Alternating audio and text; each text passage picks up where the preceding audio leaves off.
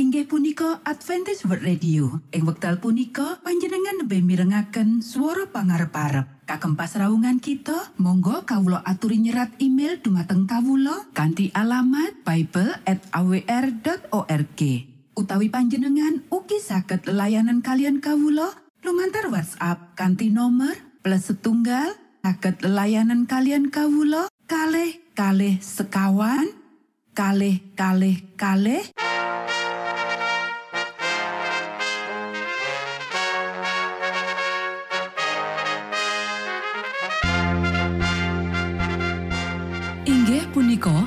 Adventist World Radio ingkang giaran kanti basa Jawi.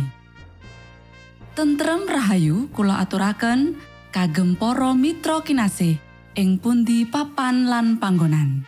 Sugeng pepanggian malih kalian Adventist World Radio. Kanti bingahing manah Kulo badi sesarengan kalian poro mitra kinasi. Lumantar saperangan adicara ingkang sampun rinonci. Mligi kagem panjenengan sami. Mugi giaran punika saged migunani tuwin dados berkah kagem kita sedoyo. Sugeng midhangetaken Gusti amberkahi.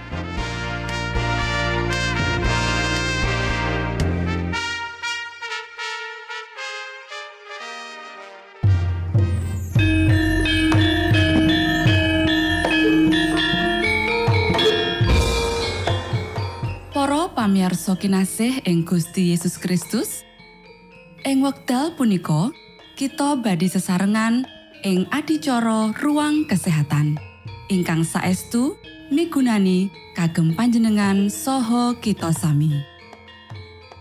Tips utawi pitedah ingkang dipun aturaken ing program punika tetales dawuhipun Gusti ingkang dipunnyatakaken ing kitab suci.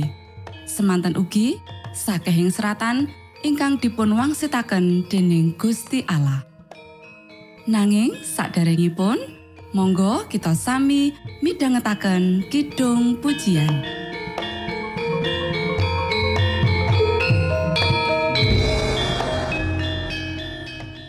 Monggo stiku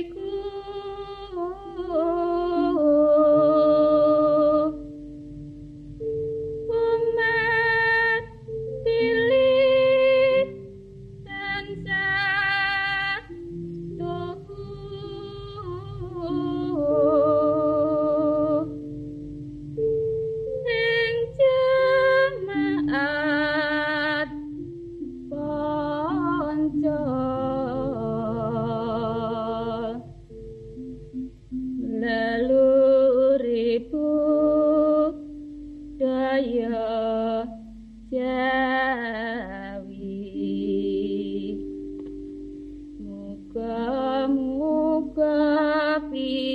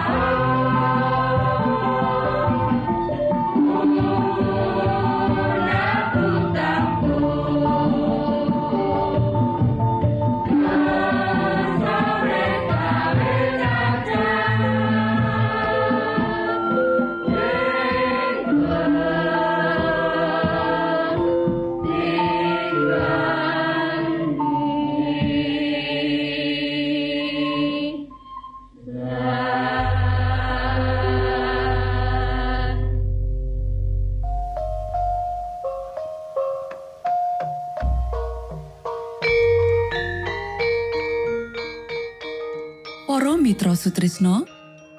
Puji syukur dumateng Gusti ingkang murbeng dumati ingkang sampun kepareng paring wewenngan kagem kita. Satemah saged nglajengaken ruang kesehatan. Pirembakan kita semangke kanthi irah-irahan. Lila Nono Kesehatan Makaryo Dewi.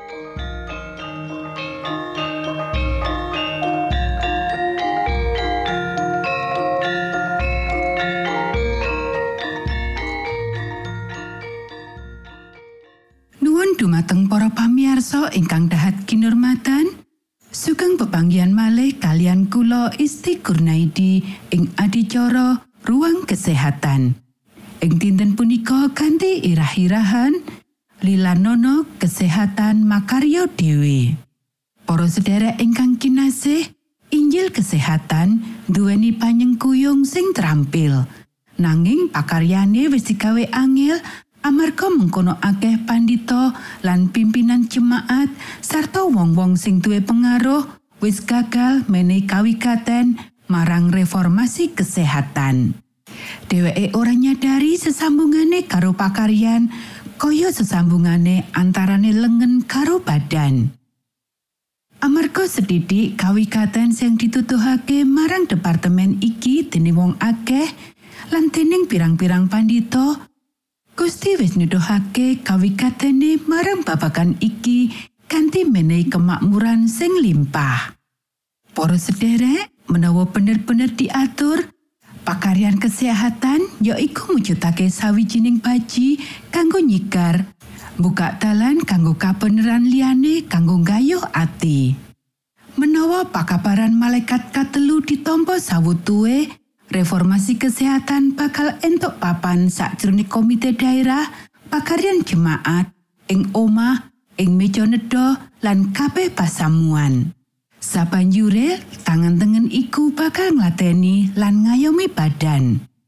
Para sederek ingkang kinasih, nanging sawetara pakaryan kesehatan entuk papan sajroning pengumuman pakabaran malaikat sing katelu para panyengkuyunge aja mbudidaya kanggo ganteni pakabaran malaikat katelu para sederek ingkang kinasih salah siji akibat sing nyedihake saka kamurtatan sing wiwitan ya iku ilangi kuasa menungso kanggo ngendhaleni diri mung menawa kuasa iki dientuki maneh lagi ana kemajuan sing sak benere. Badan iku wae sing dadi saluran sing kanthi iku pikiran lan jiwa bisa dikembangake kanggo pembentukan tabiat. Amarga iku mungsu jiwa ngarahake panggodaane kanggo ngringgehake lan ngurangi kuasa badan. Kemajuane ing kene ateges masrahake kabeh badan marang kejahatan. Kecondongane alam badan kita bakal mesti nggawa karusaan lan pepati kejaba kita ana ing sangisore pengendalian kuasa sing luwih dhuwur.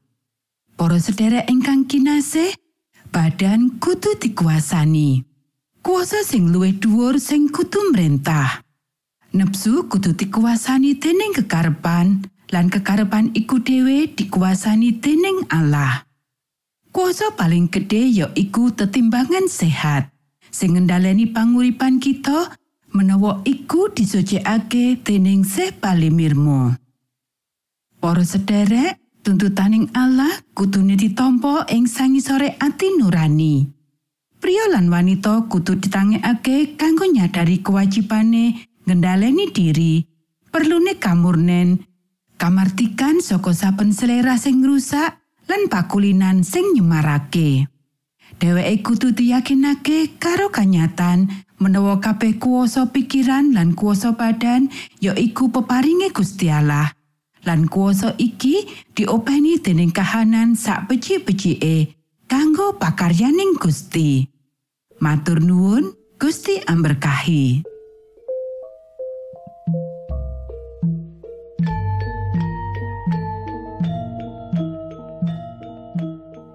Cekap semanten pimbakan ruang kesehatan ing episode dinten punika Ugi sampun kuatos jalaran kita badhe pinanggih malih ing episode saklajengipun.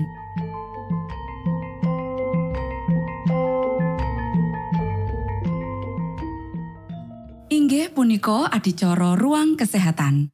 Menawi panjenengan gadah pitakenan utawi ngersakaken katrangan ingkang langkung, monggo kula aturi kinton email dateng alamat ejcawr@gmail.com utawi lumantar WhatsApp kanthi nomor 085 pitu 00 songo songo papat 00 pitu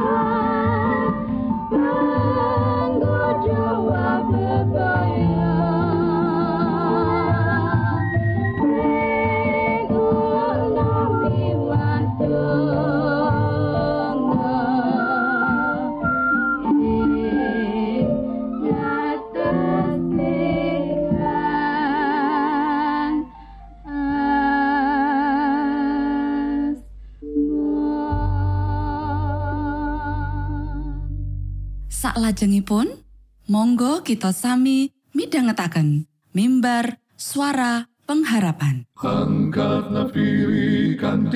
Pawarto Sang Kristus paderamu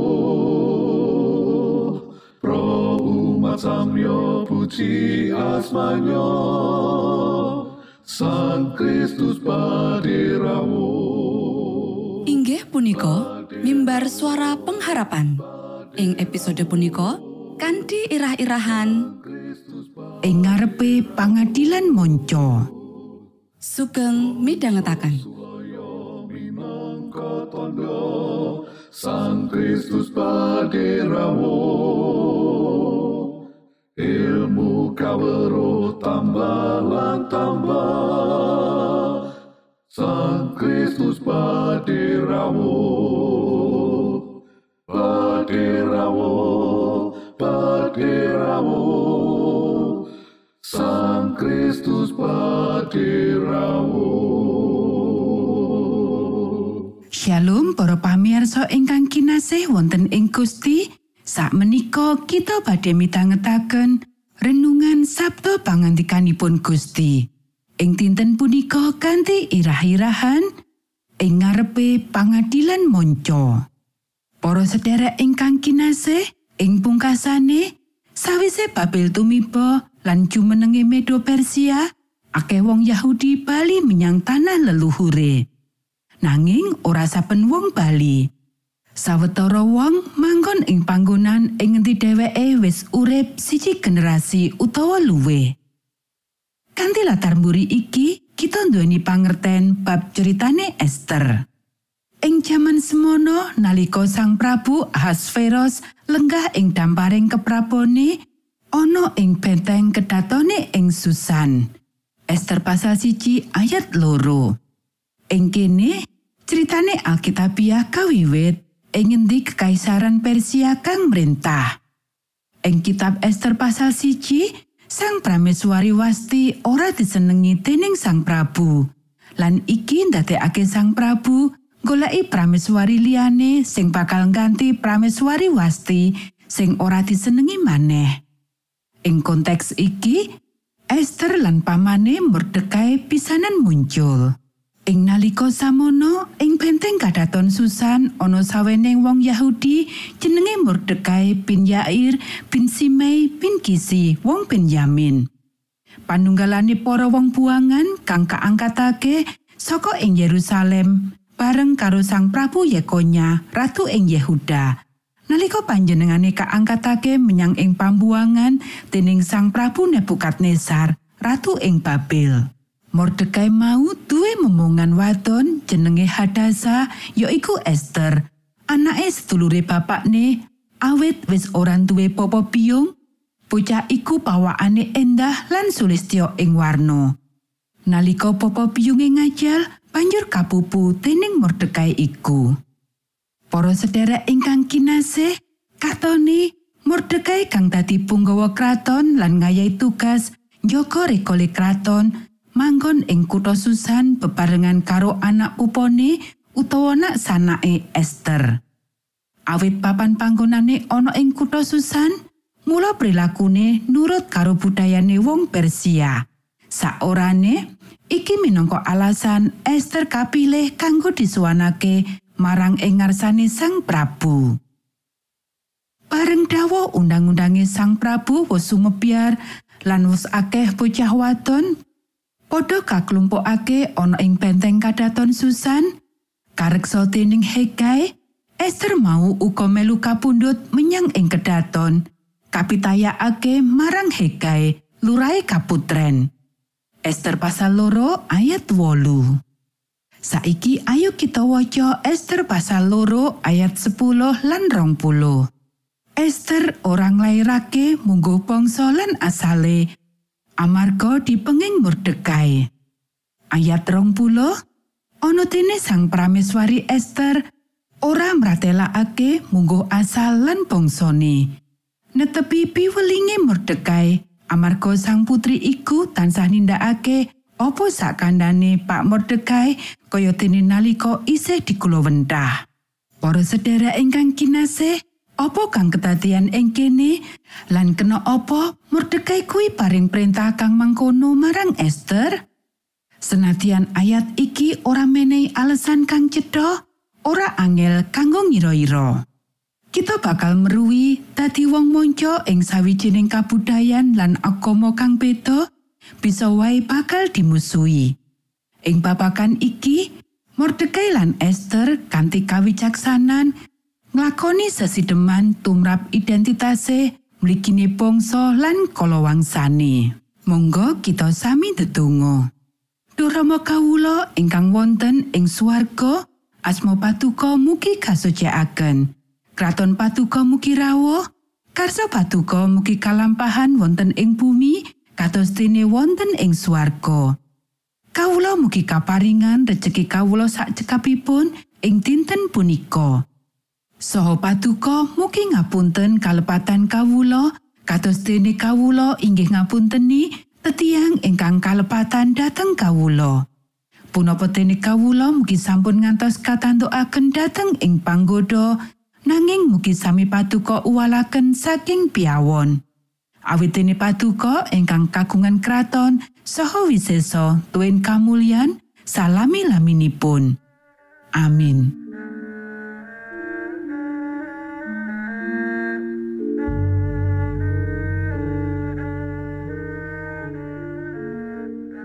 Para Mitra Sutrisno pamiarsa kinasih ing Gusti Yesus Kristus sampun paripurno pasamuan kita ing dinten punika.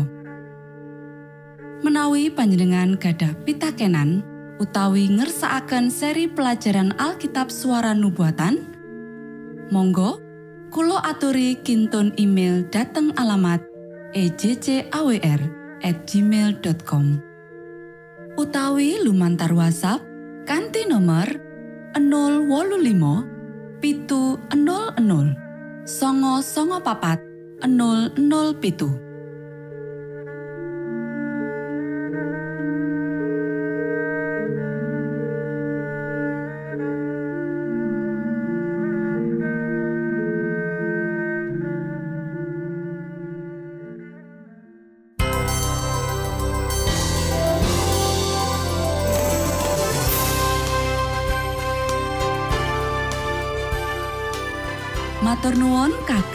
wektalipun kita badhe pinanggih malih ing gelombang ugi wekdal ingkang sami. Saking studio kula ngaturaken tentrem rahayu. Gusti amberkahi kita sedaya. Maranata.